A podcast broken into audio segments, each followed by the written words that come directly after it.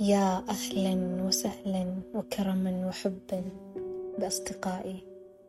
بداية صباح الخير أو مساء الخير لأني ما أعرف متى راح تستمعون لهذا البودكاست. أتمنى لكم يوم سعيد جدا خالي من أي شيء يعكر صفو مزاجكم. هذا أول بودكاست لي في قناتي. لذلك حبيت أنه يكون بودكاست تعريفي عني أنا وعن إيش راح أقدم لكم خلال فترة تواجدي هنا. اللي ما أعرف هل راح تكون طويلة أو راح تكون قصيرة. عموما بسم الله المعين. اسمي صالح محمد أما عن عمري أنا عندي يقين تام جدا بأن العمر العقلي والفكري أهم بكثير من العمر الرقمي لذلك ما راح أصرح بعمري. كنت آه، لفترة من الزمن أكتب وأقرأ الكتب أقرأ وأكتب يعني. وتوقفت يعني مدة طويلة لي فترة ما كتبت لكن أتمنى أني أرجع بقوة للكتابة والقراءة. ممكن هذا الشي يكون على يدكم وبفضل دعمكم لي ليش لا؟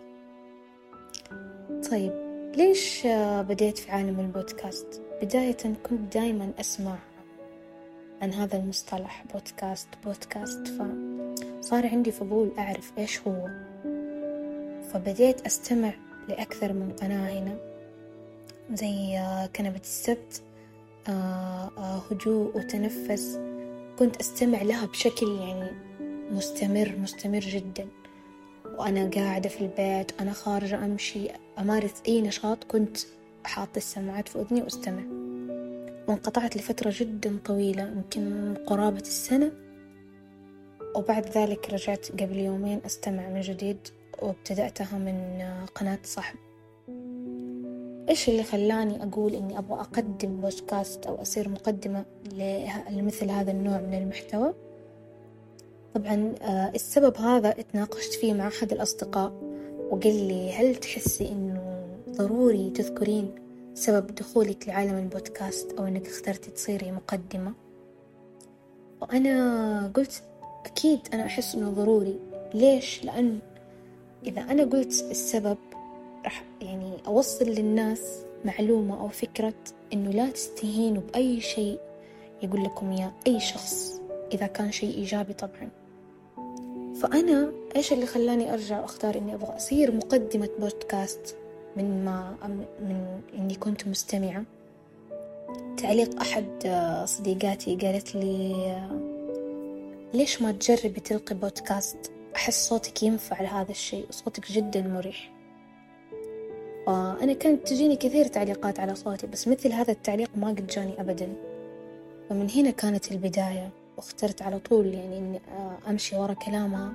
وأخذت فترة من الزمن يعني يمكن قرابة الأسبوع على بال ما يعني أجهز المحتوى أجهز القناة والحمد لله تسهلت. طيب آه ليش اخترت أسمي قناتي ربما؟ لأن أنا عندي قناعة تامة إنه كثير من الناس يحتاجون آه يحتاجون أحد أو شخص يدلهم أو يقول لهم على شيء هم جاهلينه أو آه ربما كلمة مني أنا أو تجربة شخصية أو أي شيء أذكره ممكن يأثر على هذا الشخص بطريقة إيجابية ويكون سبب في إنه هذا الشخص يستفيد مني ومن كلامي ويطبقه في حياته. آه،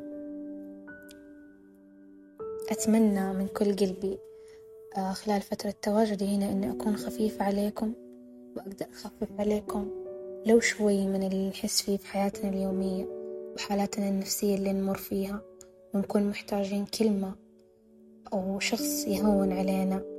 اللي نحس فيه. أما بالنسبة لموعد آه، تنزيلي للحلقات ما راح أعطيكم موعد محدد آه، لكن أوعدكم إنه ما راح تكون فترات طويلة بين كل بودكاست والآخر. دمتم بود وسعادة. إلى أن ألقاكم. مع السلامة.